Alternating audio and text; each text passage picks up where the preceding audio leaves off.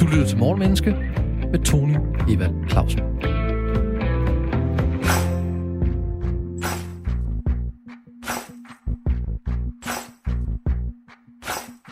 Intet tidspunkt er bedre end nu. 2021 er startet på ryggen af 2020, der i den grad var fyldt op af udfordringer, kriser og problemer. Hvad kan vi lære af starten på 2021? Og hvad kan de ting, der er sket, fortælle os om os selv, adfærd og psykologi? Coronapandemiens tab og gevinster, løsgængere i Folketinget, domme og fordømmelser, demonstrationer mod coronanedlukning, magtkampe og kritisk tænkning om videnskab, eksperter og de, der er kritiske over for det kritiske. Ambitionen i Morgenmenneske er at gøre både dig, gode lytter og os selv klogere på mennesker og adfærd fra morgenstunden. Velkommen til Morgenmenneske. I dag handler Morgenmenneske om tab og gevinst. Fordi de fleste af os har oplevet et tab i forbindelse med coronakrisen og nedlukning. Også fordi nogen har oplevet nedlukningen som gave, både mentalt og forretningsmæssigt. Og lige så mange præcis det modsatte. Hvordan oplever vi mennesker tab i forhold til gevinst? Er vi mere kortsigtede end langsigtede, når vi har noget at tabe eller at vinde? Hvorfor er mange forsøger imod at lære deres kunder at klippe sig selv? Hvad påvirker vores beslutninger, og er de altid logiske? Og hvordan forholder vi os til krisens økonomiske og menneskelige tab og gevinster? Disse og sikkert mange andre spørgsmål kan vi måske få svar på af programmets to meget kompetente, kommunikerende og koncise gæster. Med på en linje har jeg nemlig Sally Kalash, grundlægger af virksomheden Behavioral Strategy, Ph.D. i ledelsesbeslutninger og adfærdsøkonomi fra Københavns Universitet og underviser på Harvard og forfatter til flere bøger, blandt andet Beslutningsstrategi, som jeg kan anbefale, og den seneste Prispsykologi. Hun er også foredragsholder og meget mere. Velkommen til. Tusind tak. Også på en linje har jeg Kasper Kold. Velkommen til, Kasper. Tak skal du have. Du ejer virksomheden Kasper Kold Business Psychology, og du er psykolog med fokus på ledelse og HR Management og har en MBA fra Aarhus Universitet. Så har du også været leder i 10 år, og siden 2012 rådgivet virksomheder og ledere i ind- og udland med fokus på ledelse i global kontekst. Men inden vi går sådan rigtig i gang, så lad os lige prøve at kigge på, hvad er tab egentlig, hvis vi slår det op. Og det, jeg har kigget på, det var, at ifølge ordbogen, så siger man, at en, tab er en oplevelse af at miste noget, enten noget, man har, eller noget, man har oplevet, man har ret til, eller forventet at få. Og gevinst, det er oplevelsen at få noget ofte mere end forventet, eller en fordel, eller noget, man vinder i forbindelse med konkurrencer, eller en investering. Kan I to leve med de definitioner? Ja. Kan vi godt. Jeg kan godt i hvert fald. Super godt. Robert Kiyosaki har sagt, at nogle gange vinder du, og nogle gange lærer du. Er det rigtigt, Sally? Er der nogle gange, vi vinder, og nogle gange, vi lærer? Altså, jeg tror, at øh, nogle gange vinder vi og lærer, og nogle gange taber vi og lærer, og nogle gange så sker der ingen af delene. det er jo, men, øh, men, men det lyder utrolig godt, ikke? Men, øh, men han taler jo helt klart omkring en, en, en bestemt frame of mind, altså en bestemt mental indstilling, man har i forhold til tab, øh, når, han, når han beskriver det på den måde. Og er det, fordi de fleste tænker, at tab kun er negativ? Jeg tror, de fleste tænker, at tab er utrolig negativ. Øh, tab er jo sådan en, en, en, en ret interessant størrelse, afhængig af, hvem man spørger. Altså, nu har vi jo en erhvervsøkonom, eller hvad hedder det, en, en øh, adfærdsøkonom og en psykolog herinde. Og vi har jo nok alligevel, når vi kommer ned i dybden, meget forskellige idéer omkring, hvad tab egentlig er. Øh, og det er det, der gør det så interessant. Hvis man spørger en økonom og siger, at tab lige så slemt som øh, en gevinst, hvis du taber 100 kroner, er lige så slemt som at vinde 100 kroner, øh, lad os gøre det til 1000 kroner, er det det samme, så vil økonomen sige, jamen det der, det er det da, øh, hvis du, i hvert fald hvis du er klassisk økonom. Øh, men hvis du spørger en adfærdsøkonom, så ved vi, det er det overhovedet ikke. Og hvis du også går ud på gaden og spørger helt almindelige mennesker, siger de, er du skør? Selvfølgelig er det ikke det samme. Så vi har jo den her aversion over for tab. Øh, og, og det er så indgroet i vores, øh, i vores natur, og det, er, det giver utrolig god mening, at vi er utrolig tabsaverse. Øh, altså, det har jo holdt os, du ved, overlevende og øh, i over 6.000 år, ikke? eller hvor mange år vi nu engang har overlevet som mennesker. Ikke? Det er jo egentlig kun de sidste 100 år, hvor vi begynder at spørg- sætte spørgsmål til, til vores tabsaversion. Mm. Øh, så man skal jo vide, at det er en del af det moderne og postmoderne samfund, at vi overhovedet begynder at se på, hvorfor er du ikke mere forandringsparat, og du skal da være villig til at let go. Og, altså, det er, jo, det er jo meget nye ting. Det er jo ikke det, der har gjort, at vi har overlevet. Så. Hvad med dig, Kasper? Hvordan har du det med den her med, nogle gange øh, vinder vi, og andre gange lærer vi?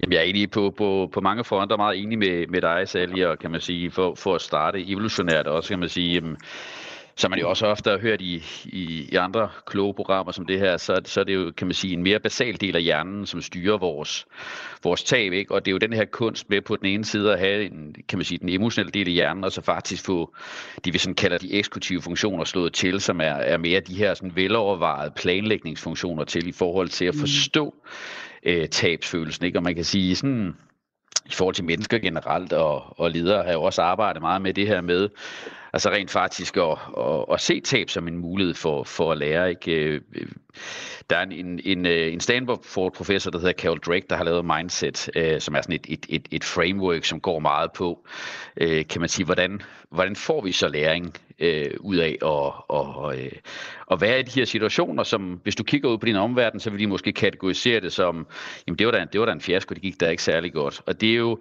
kan man sige, det er jo intuitivt meget, meget svært, som Sally også er inde på, fordi det jo simpelthen øh, rammer noget helt basalt i vores psyke, at tabet er noget, noget negativt. Og hvordan får vi så vendt det her kognitivt til, at det rent faktisk kan være, være en lærende proces? Men noget af det, man jo har, for som Carol Drake har beskæftiget sig med, er jo faktisk, at de børn, man får lært, at det er processen, og det er indsatsen, og det er lysten til at lære, de faktisk viser langt mere succes over tid, end, end, end folk, der er mere fixed mindset, altså det her meget mere tab og vind. Øh, og hvis jeg har tabt, så er det en fiasko, og, øh, og det bliver aldrig nogensinde øh, godt igen. Øh, og så, og så flygter man jo fra situationen, og vil aldrig nogensinde lave en præsentation igen. Eller, eller man, man kan sige, altså noget af det, som jo også gør det svært i, i det her, det er jo, at, at når vi får en tabsoplevelse, så ryger vi jo meget ind i, i kan man sige, psykologisk set, i, i de her forsvarsmekanismer. Og kan man sige, psykologien som sådan er jo, er jo grundlæggende enige om, at der sådan er tre overordnede øh, forsvarsmekanismer. Der er noget, vi kalder kamp,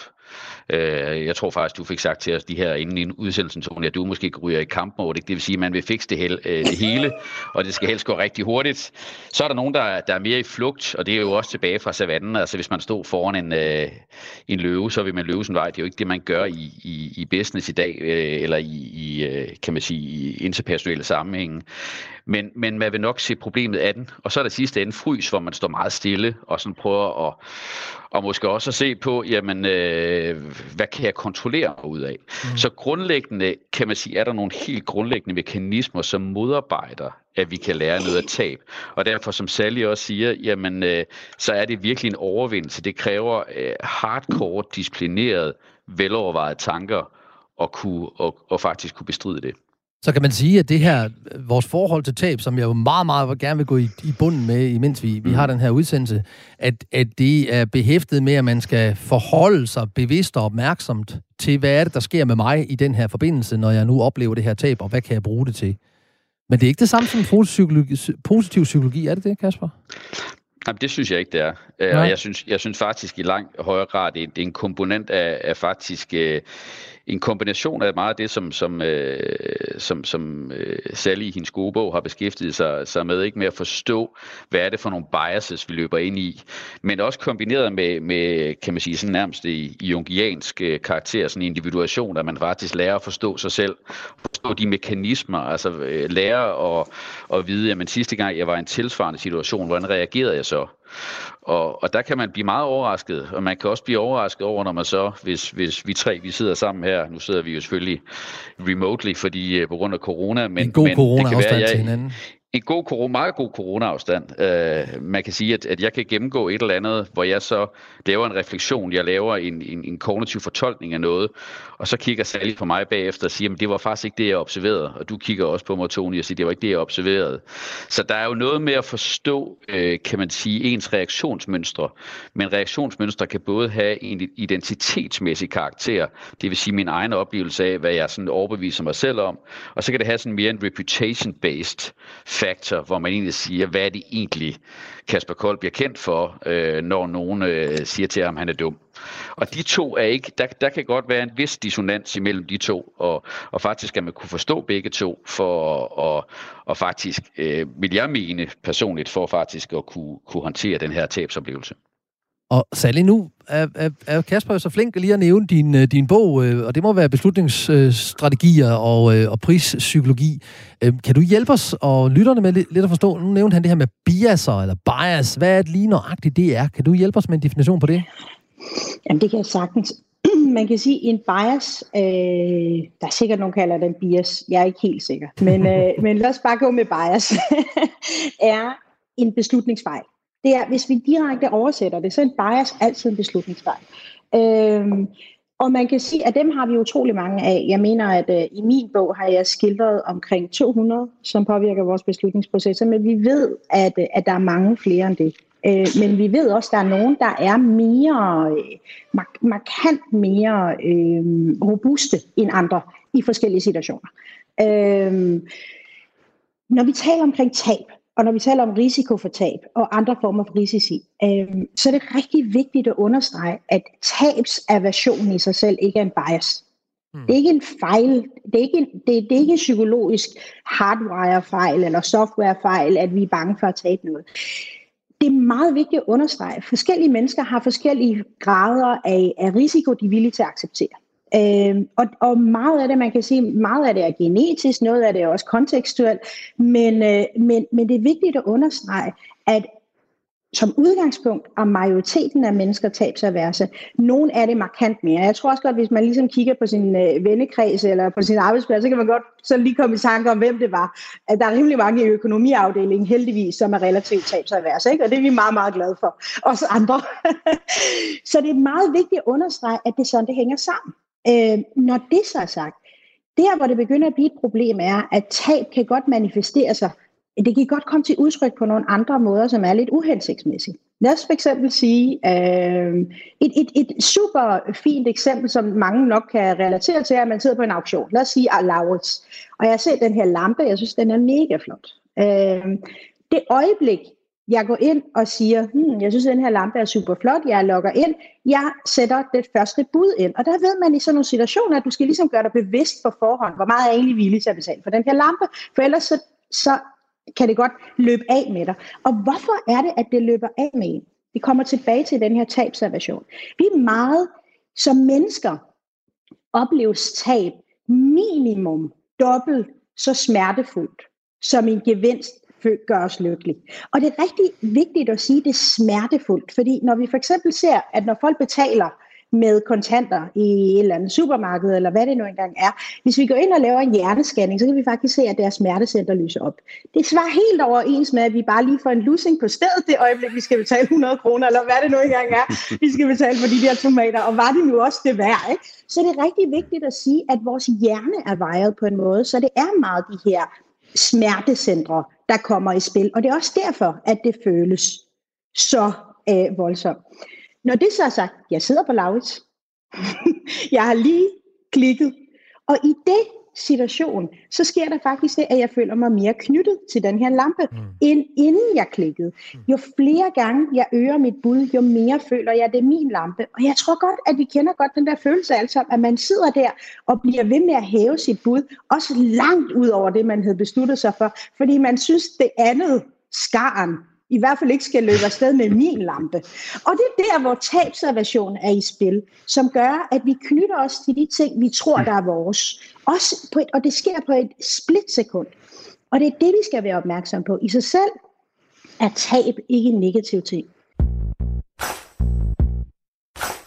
Du lytter til Morgenmenneske på Radio 4, programmet, hvor vi over påsken dykker ned i, hvad der er sket i 2021, og hvad vi kan lære af det som mennesker og samfund. I dag taler vi om tab og gevinst i forhold til den oplevelse, de fleste af os har haft i forbindelse med corona, coronakrisen og nedlukningen. Og til at gøre os klogere på det, har jeg to meget punktlige, parlamentærende og pålidelige gæster med. Sally Kalash, grundlægger af virksomheden Behavioral Strategy, forfatter til flere bøger om beslutninger og Ph.D. i ledelsesbeslutninger og adfærdsøkonomi. Så er hun også foredragsholder og meget mere. Og Kasper Kold, psykolog og ejer af Kasper Kold Business Psychology, rådgiver for topledelse i ind- og udland. Og vi har jo lige rundt om det her med, hvad biaser var, og den her aversion, tabsaversion eller undgåelse af tab, som ligger som sådan en naturlig del i vores mentale landskab. Og, og tak for, at du øh, åbnede den for os. Du var også lidt omkring de her biaser, de her beslutningsfejl, som vi måske kommer ind på med mit følgende eksempel. I starten af februar, der postede jeg, øh, eller det gjorde jeg ikke, men det gjorde en, jeg kendte, et opslag på de sociale medier, hvor hun opfordrede frisørerne til at lave en-til-en coaching virtuelt til deres kunder, sådan at de kunne lære dem at klippe sig selv derhjemme, imens der er nedlukning. Det giver jo meget god mening, at vi forsøger på en eller anden form for indtægt, når vi nu er alligevel lukket ned. Og til hendes store overraskelse, så blev hendes opslag bestormet af vrede frisører. Der var ikke nogen, der kunne se det positive i det forslag, tvært imod. Og selvom hun efter bedste evne forsøgte at gøre det klar, at det kunne være godt for frisørerne at fastholde deres kunder, og de kunne tjene på deres kunder, og det at skabe værdi for kunderne, alt andet lige ville være godt for dem efter nedlukningen, så hjalp det ikke noget. De blev bare mere og mere vrede. Frisørerne mente, at det ville gøre, at kunderne i fremtiden ville klippe sig selv, og dermed tabe den, på den her indsats. Altså, de, de ville bare sige, jeg gider sgu ikke gå til frisør mere, nu kan jeg jo klippe mig selv. Og så påpegede, påpegede hun faktisk det usandsynlige, at en fireårig forsøguddannelse, eller en flereårig forsøguddannelse, kan den virkelig erstatte en eller to coaching-sessioner? Men de her vrede frisører, de var fuldstændig upåvirkede. De kaldte hendes opslag for udulige og destruktive for deres forretning. Kasper, hvordan kan det være, sådan fra en psykologisk perspektiv, hvorfor reagerer frisørerne sådan? Jamen, det er jo, det er jo i, i, i sig selv interessant. Øh, man kan sige, at jeg, jeg tror da faktisk, at, at der er nogle komponenter i, at, at de faktisk ser det som en potentiel tabsoplevelse. Øhm, nu øh, skal jeg være ærlig at sige, at frisørfaget er ikke øh, min, min, øh, min, min top-ekspertise, men, men øh, jeg forestiller mig jo, at, at det er et relativt, det man strategisk vil kalde sådan et red ocean. Der er jo, der er jo relativt stor konkurrence. Altså, vi snakker ikke om, at der er sådan specielle intellectual øh, properties eller et eller andet, der gør dem unikke, og på den måde er det, er det noget, hvor, øh, hvor, hvor man godt føler, at de kan, de kan faktisk få en, en, en, en decideret tabsoplevelse. Kombineret med, tror jeg faktisk, at øh, der måske faktisk så sker sådan lidt en, en øh, sådan, kan man sige, en, en, en, en gruppementalitetsting, øh, fordi øh, igen, jeg, jeg kunne forestille mig, at, at frisører jo i dagligdagen før corona så sig selv som som konkurrenter, men, men pludselig opstår der faktisk sådan et, et, et, øh, et mentalt ståsted, hvor, hvor de rent faktisk føler sig forbundet til hinanden. Øh, og, og igen også, øh, kan man sige, som, som vi var inde på tidligere i udsendelsen, jo også øh, nok reagerer med, med et, et primært øh, forsvars øh, kan man sige, reaktionsmønster. Øhm, så, så kombinationen af det, tror jeg faktisk kan være, kan være nogle af forklaringerne på, øh, på den dynamik. Men Sally, det er jo ulogisk, det her. Ikke? Altså, hvis jeg, hvis jeg, hvis jeg, hvis, det tager tre til fire år at blive murer, ikke? og hvis en murer, han så giver mig en to timers session på, hvordan jeg murer en væg, så må, må kvaliteten af den væg, jeg murer efter, så jeg, alt andet lige være, være dårligere end en, en, en øvet, erfaren frisør, en øvet, erfaren murer i den her. Så hvad sker der med logikken og rationalet for de her frisører? Fordi jeg skal også huske at sige, at vi jo, det er jo ikke alle frisører i hele Danmark, der har bestormet den her dame her, som jeg kender på de sociale medier, men der var mange, der gjorde. Så, så hvorfor, hvorfor sætter rationalet og logikken så lige pludselig sig selv ud af kraft? Altså man kan sige, at øh, nu, nu er jeg ikke frygtelig glad for at bruge ord som øh, ulogisk i sådan en situation, fordi jeg tror, hvis jeg lige sådan lægger psykologien væk, og så siger jeg, øh, er det forretnings, giver det forretningsmæssig mening, altså at lægge nogle online kurser op, øh, og så håbe, at du kan tjene en skilling på det. Jeg tror, det er begrænset, hvad, du, hvad der kan komme med cashflow i din forretning. Så hvis vi lige bare lige tager den del. Men hvorfor, altså, men det interessante i din historie er jo, hvorfor de bliver så sure. Mm. Altså, fordi de kan jo sådan set sige, øh, god pointe, jeg tror bare ikke, der er cashflow i det, så tusind tak for dit forslag, vi videre, ikke? Altså, det vil, det, det vil måske give mening i den situation. Hvorfor bliver de så mega sure? Og der tror jeg, at konteksten betyder en kæmpe rolle. Vi ved, at det øjeblik, folk er underlagt en høj grad af stress, pres, øh, angst, så er alle de ting, alle de biases, alle de beslutningsfejl, vi har, de bliver simpelthen øh, forstærket. Øh, det, man, man skal nærmest sådan forestille sig, det er som om en del af ens hjerne bare løber rundt og råber, åh oh, nej, åh oh, nej, åh oh, nej, mens resten af hjernen, det vi har tilbage, prøver at løse de udfordringer, vi nu engang står overfor. Og i den situation, så kan man i hvert fald sige, at vi tænker ikke frygtelig langsigtet, for vi har ikke overskud. Vi er ramt af, af det, der hedder knaphedseffekten. Vi har knaphed på ro, på overskud, på penge for utrolig mange frisører også på nuværende tidspunkt. Ikke? Så alt det gør, at vi ikke har den mentale kapacitet til at øh, reagere mere hensigtsmæssigt. Hvilket måske også godt kan forklare, at de bliver så sure. Fordi vi ved også, at konsekvens af knaphedseffekten er, at folk de bliver mere aggressive. Øh, så vi håber aldrig, Tony, at du bliver utrolig presset, stresset eller angst. Men det, okay, det, det, det spiller så bare ind i det, som Kasper sagde tidligere, at hvis man kommer til en erkendelse af det, der sker inde i en, så bliver man opmærksom, bevidst og til stede, og så finder man konstruktive måder at komme af med sin aggression på. Men tak, fordi nu jeg begge tror... to har talt ind i det felt to gange. Vi kan godt tage det op igen, det gør ikke ja, det, noget. Vi er utrolig gavmilde på den måde. Det her. mm. Kasper, du har en bemærkning til det? Nå, jamen, jamen, jeg tænker faktisk også, nu var uh, Sally inde på biases før også, og jeg tror jo også, at, at man skal jo altid se sådan noget her i en kontekst. Og, og jeg tror, at de frisører, som, som, som vi taler om her, de har jo været udsat for øh, præcis for, for et, et høj grad af pres længe. Og det vil sige, at den her dialog omkring, jamen hvad er... Øh, substituerende muligheder for, at vi kan gøre noget andet, når vi nu ikke kan komme til frisør, den har jo ligget latent øh, længe i debatten. Og det vil sige, at den her som måske sådan confirmation bias, som er jo det her, vi leder efter noget, som, som allerede er vores holdning. Vi leder efter, at der er nogen, der kommer og siger, jeg kan klippe mig selv. Mm og så kan vi godt nok få afløb for, for den frustration. Ikke? Og så kan vi opnå den her group mentality, fordi endelig kan vi stå sammen om noget i en situation, hvor vi føler os efterladte, vi føler vores, øh, vores business er truet. Øhm, så jeg, jeg tror også, det, det, det kan også være, altså det, man skal altid se det her også, hvad er det for nogle, øh, kan man sige, nogle effekter, der har ligget før sådan en reaktion her. Vi skal se det i en helhed til din kontekst. Jeg skal lige mm. huske at sige, at confirmation bias på dansk hedder bekræftelsesbias, en forkærlighed for mm. kun at lytte til argumenter og mm. analyser mm. og fakta, der bekræfter en allerede foregående mm. konklusion. Jeg tror faktisk, det er taget yeah, direkte yeah. ud af din bog, Sally. Du havde også en kommentar til det, Sally? Ja, og, ja og, og, og et eller andet sted, hvis man lige tager frisørernes situation, jeg synes egentlig, det er ret interessant. Noget andet, jeg gør, er, at jeg underviser i forhandlingspsykologi. Øhm, og lad os lige tage frisørernes situation igen, ikke? fordi de står i en situation med en meget, meget høj grad af usikkerhed i forhold til, de ved, hvad de har, hvis de kan komme på arbejde. Ikke? De ved nogenlunde, hvordan deres forretning ser ud. De aner ikke, hvad de kommer til at få, hvis de begynder at lave de her online kurser.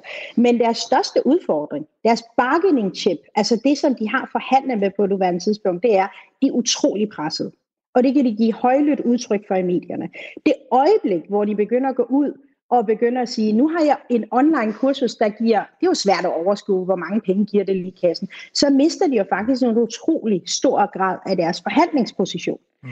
Ud fra den kontekst vil jeg aldrig nogensinde, hvis det var mig, der rådgiver frisørbranchen, jeg vil aldrig gå hen og sige, jeg synes, det er en pissegod idé at starte noget af din forretning med, og bare begynde at undervise online. Jeg tror simpelthen, du mister for meget ståsted øh, også. Jeg synes, øh, det, det her det har givet utrolig god mening, at, at de ikke synes, det der det var en mega god idé. Men jeg tror, voldsomheden kan måske mest forklares ud fra, at de er presset. Jasper, du havde en kort bemærkning til det? Jamen, jamen jeg, jeg tænker, jeg, ja, en kort bemærkning. Ja. ja, altså, jeg, jeg, jeg synes også, der, der er et andet interessant element i det, og det er jo, kan man sige, det er sådan kompetencedelen, ikke? Altså det her med at, altså kompetence forstået som, at man kan udføre noget, som andre folk vil se som succesfuldt. Og, og der kan man sige, mm. Øh, frisøren er jo helt oplagt, de er jo fantastiske til at klippe, men er de fantastiske til at lave online-kurser.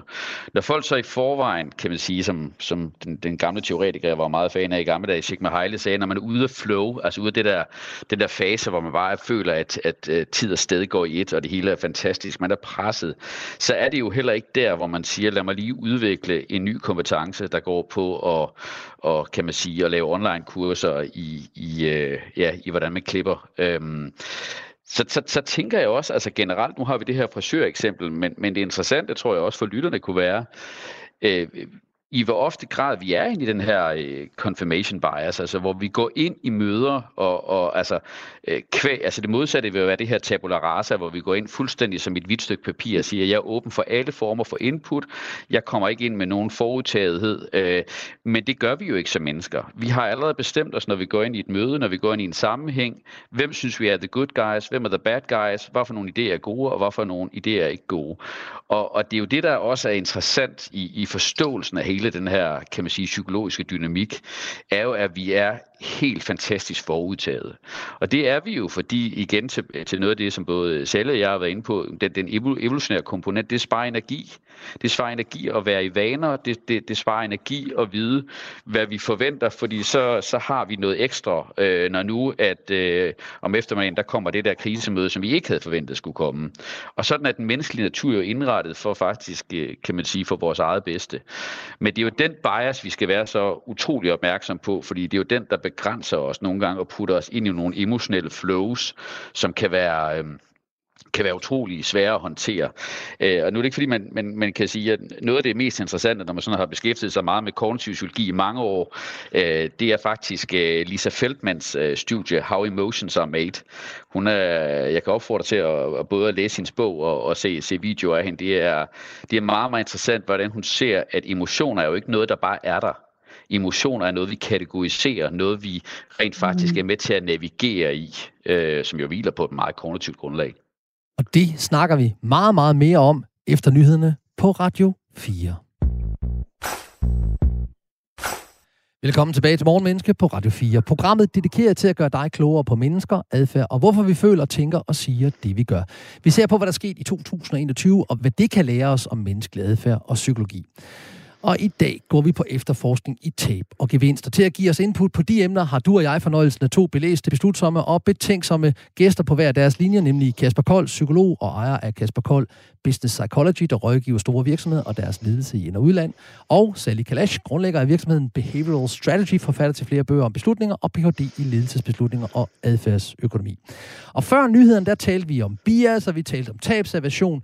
Vi, fortal, vi, vi talte lidt omkring den her måde, vi forholder os til. Og Kasper, du var kort ind på uh, Lisa Feldman og hendes uh, studie omkring følelser. Jeg synes, du skal have lov til lige at gøre den helt færdig her.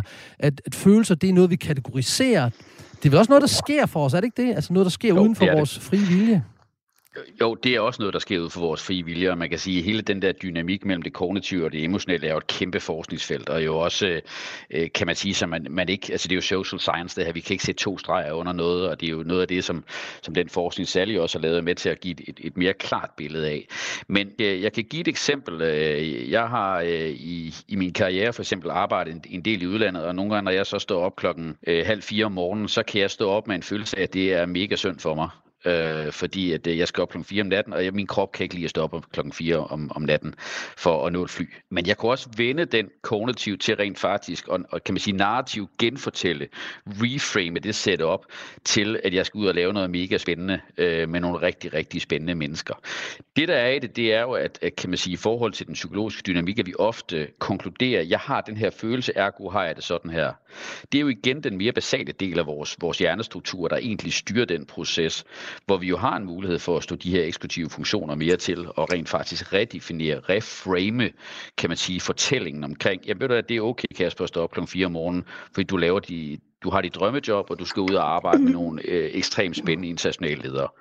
Det er jo en meget anden fortælling, og det er en meget anden tur, jeg får i min bil til lufthavnen. Ergo, kan man sige, afhængig af, hvad for en af, af de to øh, historier, jeg fortæller mig selv. Så jeg hører dig selv ære følelsen af, nu står jeg op her mega tidligt, og det får, mig, det får en negativ emotion omkring, og så laver mm. du en beramning på det, og siger, jamen, hvorfor er det, jeg står op tidligt? Og så kan mm. du dermed ære din følelse. Du, du går ja, ikke imod ja. den, du siger, det, jeg kan godt forstå, ja. at du er træt af at stå op, men prøv ja, at høre, det er ja, det her, du skal ja. ud til. Ja, det, det, og det Lisa Feldman egentlig siger, det er, altså følelsen af at være træt, vil faktisk næsten intuitivt føre mig til en negativ emotionel fortolkning.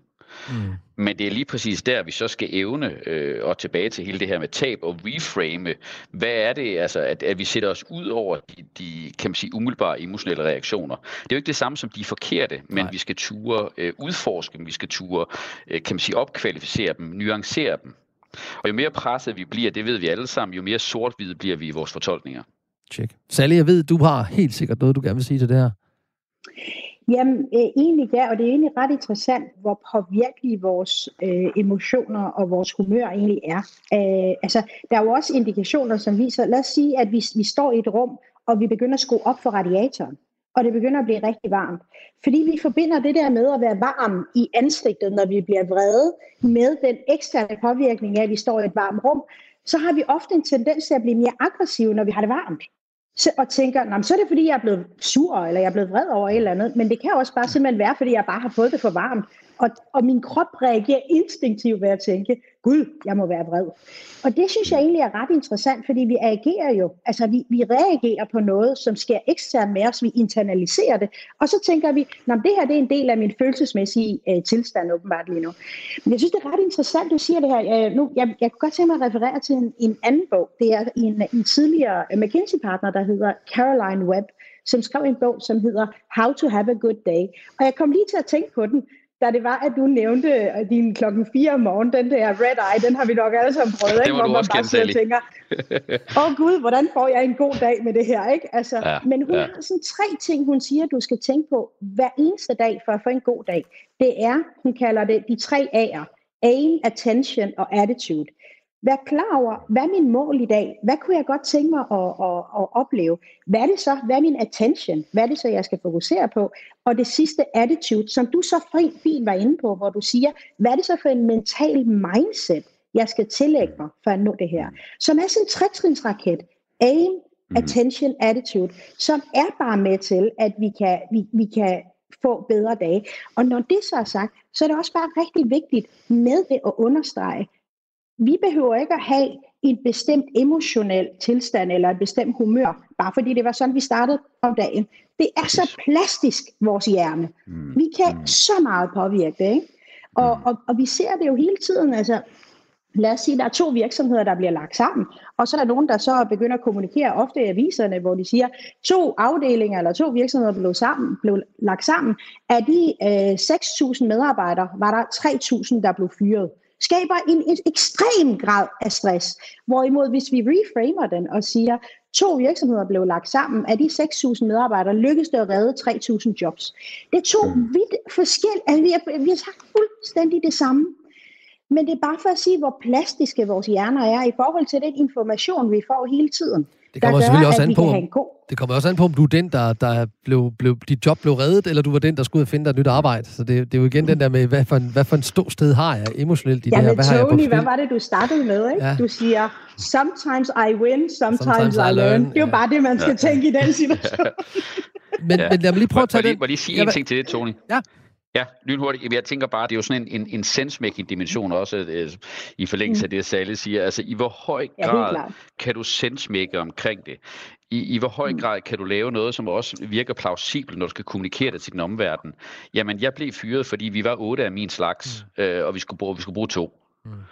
Øh, versus øh, virksomheden har kæmpe succes, og alligevel bliver fyret. Ja når man læser teori, så, så støder man nogle gange på noget, hvor man siger, at det, nå, det, det er copy-paste og noget andet. Men, men jeg kommer omkring det her øh, begreb competing commitments øh, af, af øh, gode gamle Robert Keegan, som, som jo øh, er inde og fokuserer på den her altså i høj grad ubevidste dynamik mellem, at vi rent faktisk kan have rettigheder i forskellige øh, i, ja, i, kan man sige, i samme situation, men i forskellige retninger. Jeg vil prøve, prøve at give et, et super kort eksempel. Ikke? En, en, øh, der sige, en ung kvinde står over for at blive forfremmet. Øh, på den ene side, så er der en commitment, der går i retning af, at det her det bliver spændende, sjovt, interessant. Hun vil elske anerkendelsen. På den anden side, så er hun dybt bekymret for, kan man sige, hendes work-life balance. Hun er dybt bekymret for, at hendes, øh, hendes mor har sagt, at du bliver ikke en god mor, hvis, øh, hvis du arbejder for meget. Og, og nu, nu har jeg taget et eksempel her, hvor det sådan, øh, for, kan man sige, eksemplets skyld er relativt klart. Nogle gange er det, er det meget underliggende dynamikker, som peger i forskellige retning, som jo også gør, det, det, det bliver rigtig svært at træffe en beslutning, fordi at på overfladen så ser det let ud, men i den enkelte øh, person, tilbage til Sallys pointe om, at der foregår altså nogle, nogle ting. Og Kigans, øh, kan man sige, øh, pointe her er, vi er simpelthen nødt til at forstå nogle af de her dynamikker, for at træffe de bedst mulige beslutninger. Så der er rigtig meget på spil. Og så er der også den der, i det øjeblik, du bliver forfremmet, eller du får en, en, en sandsynlighed for, at du skal gøre noget nyt, så kan du fejle mm. i det, og så, så taber jeg jo Præcis. lige pludselig, så det gik ikke Præcis. alligevel, eller jeg kan ikke leve op til forventningerne, eller det, som ja. jeg typisk ser. Ja. Mennesker laver ja. en ekstraordinær indsats, og så skulle de egentlig være glade, men de bliver egentlig, de bliver egentlig lidt bange, for de tænker, åh oh, nej, nu skal jeg jo gøre det her igen, og det var måske Præcis. bare, fordi jeg var heldig. Jeg kunne godt tænke mig ja. at dreje samtalen lidt over på det, sådan det mere konkrete omkring, hvad vi er i nu i forhold til coronakrisen og nedlukningen. Så Sally, hvad er din analyse på, hvordan samfundet forholder sig til tab og gevinst i forhold til nedlukning og hele den her coronakrise? Kunne du, kunne du lave nogle pegepinde på, hvordan, hvordan, eller pegepinde på, hvordan burde vi kigge på det? Hmm. Jeg synes egentlig, det er ret interessant. Jeg øh, da det var, at, øh, at jeg stod op i morges, så gik jeg og tænkte på, hvad er det egentlig, den her coronasituation egentlig minder mig om? Øh, jeg kom til at tænke på, selvfølgelig to meget forskellige situationer, men, men, men der er lidt overlap. Dengang, lige efter at øh, World Trade Center blev angrebet efter 2001. Det var jo en ret interessant tid, fordi at øh, Bush, han havde det ikke frygtelig godt øh, som præsident. Altså det var jo første gang, at der nærmest ikke var nogen, der dukkede op til en inauguration. Altså det var helt forfærdeligt, hans start på hans karriere som, øh, som præsident. Og så kom, altså jeg ved ikke, om man må bruge et begreb som held i uheld. Altså, fordi hold kæft, for var det forfærdeligt, ikke? Men for ham var det jo heldigt. Fordi pludselig så havde han et formål, en purpose med sin, med sin virke. Men et greb, han brugte, det var, han havde det her terrorbarometer, eller utryghedsbarometer. Og hver dag kunne man orientere sig i forhold til, hvor var vi på trusselskalaen. Det gjorde, at folk de var så exceptionelt angste for den situation, de navigerede rundt i, at de bakkede op omkring utrolig mange ting alt andet lige, lad os lige lægge til side, om det var korrekt eller ikke. Så vi har ikke en normativ, vi har ikke en vurdering af, hvad der er rigtigt eller forkert. Lad os bare lige tage det greb og se, hvad er det egentlig, det giver. Lad os tage vores daglige coronatal. Hver dag.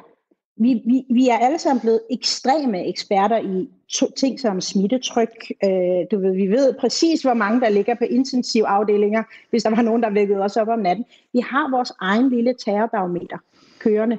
Og vores hjerne oplever det jo som en konstant krise, der kører, som påvirker vores, øh, vores oplevelse. Og det er jo i sig selv en meget, meget effektiv risiko- og tabsaversion, vi kører på. Fordi vi er så opmærksomme på det, og de tal er så tydelige, så tænker vi, det her det er utrolig vigtigt. Og alle andre tal, der ikke er frygtelig tydelige, de føles ikke særlig vigtige. Så folk, der ikke bliver scannet til kraft, folk, der ikke kommer ind til, til retmæssige behandlinger osv., det føles ikke lige så vigtigt, for vi har ikke et tal, vi hver dag bliver mindet om. Og man kalder det inden for adfærdsøkonomien, kalder, så kalder man det tilgængelighedsbiasen. Ja. Daniel Kahneman, han kalder det også what you see is all there is, konceptet. At det du ser, det er det, der føles vigtigt. Det du ikke ser, det føles ikke vigtigt. Så det daglige coronatal og den opbakning, der har været omkring restriktionerne, hænger utrolig meget sammen med, at der er nærmest ikke det medie, du øh, kan slå op i, hvor du ikke bliver eksponeret for det her ene begreb. Og det tror jeg bare er utrolig vigtigt til at forstå den her situation, vi er i, og den her lockdown. Og det er jo ikke kun en dansk ting. Vi ser det jo i alle lande. Alle mm. vestlige lande ser man det samme. Men der er også en modreaktion øh, på det. Altså, modreaktionen er jo, som man siger, nu kan du se, smitte, smittetrykket at det er så lavt, nu burde vi åbne for, for landet igen. Øh, prøv, især dem, der har private erhvervsdrivende. Nu er jeg selv foredragsholder og kursus, øh, kursusudbyder, så, så jeg, jeg selv ikke ret meget fysisk øh, undervisning i øjeblikket. Så jeg kunne jo også godt have lyst til, at vi åbnede op for, for, øh, for, for, for verden igen, når nu smittetrykket er så lavt. Så det er interessant, at du holder den op mod 9-11, fordi de er meget sammenlignelige egentlig. Vi har et terrorbarometer, mm. vi har et coronabarometer. Mm. Men er vi, er vi i stand til sådan, som menneskehed, og, og især vores politikere, dem der sidder i, i ledelsen af landet, mm. er de i stand mm. til at mm. korrigere de for det her, når de laver deres beregninger, tror du? Mm. Mm, mm. Jamen det tror jeg, altså, der, der, er jo ikke, der er jo ikke noget tvivl om, at vi bliver målt og varet kontinuerligt i forhold til, hvor vi nu engang ligger på den her vægtskål i forhold til angst versus det, vi kalder rebel bias eller rebel biasen, som er, at når vi bliver, når vi får, bliver påduttet en bestemt adfærd eller holdning, eller når vores frihed bliver begrænset over en længerevarende periode, kan man simpelthen se, at det er det andet, der sker. Det er den menneskelige trang til at have noget autonomi og selvbestemmelse. Den begynder at give sig mere og mere til udtryk. Så vi begynder simpelthen at kunne se, at der er en eller anden form for modreaktion på det her. Du lytter til Morgenmenneske på Radio 4. I dag taler vi om tab og gevinst i forhold til den oplevelse, de fleste af os har haft i forbindelse med coronakrisen og nedlukningen. I dag er vi beriget med to unikke undersøgende og uforlignelige gæster til at belyse emnet, nemlig på en linje Sally Kalash, grundlægger af virksomheden Behavioral Strategy, forfatter til flere bøger om beslutninger og Ph.D. i ledelse og beslutninger. Og på den anden linje Kasper Kold, psykolog og ejer af Kasper Kold Business Psychology og rådgiver for topledelse i Inderudland. Og for den her breaker, der talte vi lidt om, hvad siger vi egentlig til den så? Kasper, hvad siger vi til Men in Black? Hvad siger vi til øh, frisørerne, der siger, vi kan ikke, øh, vi kan ikke, øh, vi er ved at dø her? Hvad siger vi til restauranterne? Hvad siger vi til hotellerne? Hvad, hvad siger vi til dem? Hvad kan vi give oh, ja, dem med gode råd? Det, Kom nu med altså klokken fire. Nej, nu tænker jeg mere, at dem, der som, lider det her, den her mm. klare følelse mm. af tab, mm. beroet på yeah. nogle punkter, nogle, nogle, nogle målinger, som er grundlæggende lave. Mm. Hvad siger vi, hvordan fortæller vi dem den der klokken fire yeah. morgenhistorie? Yeah. Kan du hjælpe med en, en, en sådan samfundsmæssig terapeutisk vinkel ja. på det? Det er en lille opgave, det kan du sagtens klare. Ja, det er en lille, en lille, en lille, en lille opgave, et af, et af de små spørgsmål. Jeg, jeg tænker, at hvis jeg lige må starte et andet sted, øh, så tænker jeg, at hele det her med, som jeg faktisk synes er, er super interessant, øh, Sally, du også bringer på banen, jeg vil sige, altså, mm. den, den danske befolkning har vel egentlig ikke stået mere samlet omkring et, et, et, et mentalt ståsted, øh, øh, kan man sige, eller det gjorde vi rigtig, rigtig meget under 2. verdenskrig. Og man kan sige, det, det der er jo interessant, der opstår her under corona, det er jo faktisk, at nu, nu har vi fået noget andet at snakke om end vejret, altså med, med alle mennesker. Ikke? Vi har fået, et, vi har fået et, et, et fælles, et fælles øh, kan man sige, øh, samtaleobjekt, og man kan sige, øh, grundlæggende så er vi jo, altså vi er jo, vi er jo sociale væsener, jeg tror noget af det, der, der sker med os nu her, noget af det, vi reagerer på, når du ser Men in Black reagere på, Tony, det er jo den her sociale dimension, som, som, øh, som forsvinder, den her connectedhed. Jeg synes, jeg synes der faktisk, der er, der er en meget vigtig og interessant dynamik i det her, øh, og det er faktisk, at når jeg taler med med, med mennesker, med ledere osv., så, så er der nogle introverte mennesker, det vil sige folk, der ikke har så meget brug for socialt behov. Jeg har hørt sætninger som, det her det har været mit bedste arbejdsår nogensinde.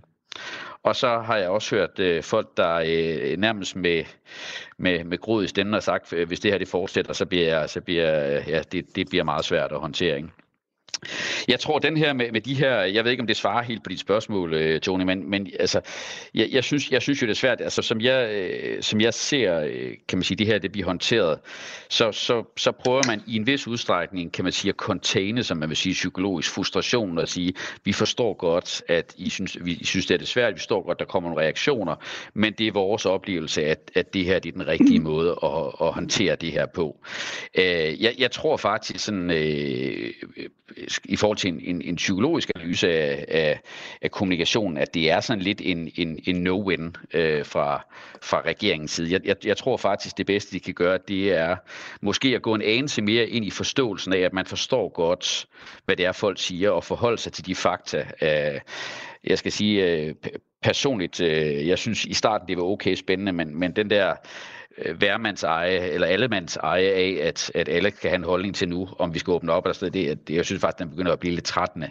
Mm. Jeg, jeg, jeg tror, det bedste regeringen kan gøre, det er at møde argumentationen og containe den. Jeg, jeg tror faktisk ikke, at man sådan kommunikativt kan, det ved jeg ikke, hvad du siger, Sally, kan, kan gøre. Jeg sidder også, altså jeg er sikker på, at de er omgivet af rigtig, rigtig mange øh, spindoktorer, som tænker i det her. Øh, jeg, jeg tror bare, man skal erkende det som en, en, en no-win, mm. den her i forhold til det segment, så er der jo andre, der synes, at de håndterer det helt mm. rigtigt. Og Mette Frederiksen har jo også i perioder været rigtig populær, kan man sige. Jeg tror, jeg kommer til at tænke på et, et koncept, som... Øh, altså, vi arbejder utrolig meget med fairness-begrebet inden for, som adfærdsøkonomer. Er noget fair? Folk har nogle exceptionelt stærke reaktioner mod ting, der ikke er fair, og ting, der er fair. Øh, og vi er villige til at gå utrolig langt for at straffe noget, som ikke, ikke føles fair, også selvom det har store personlige konsekvenser for os selv. Det er simpelthen indgroet hos, i os som mennesker, at vi skal være færre i de grupper, vi nu engang navigerer rundt i. Og jeg tror, det at have en forståelse for fairness-begrebet, tror jeg kan hjælpe regeringen rigtig langt. Når vi taler omkring fairness, så ved vi, at fairness handler ikke særlig meget om outcome. Det handler ikke om, om vi fastholder mængden af restriktioner, eller vi ikke gør. Det er processen, der skal opleves fair. Hvis processen opleves færre, så er der mange forskellige output og outcome, vi kan leve med. Og vi kalder det proceduel fairness, eller øh, procedural fairness. Og det er det, man skal have en fokus på.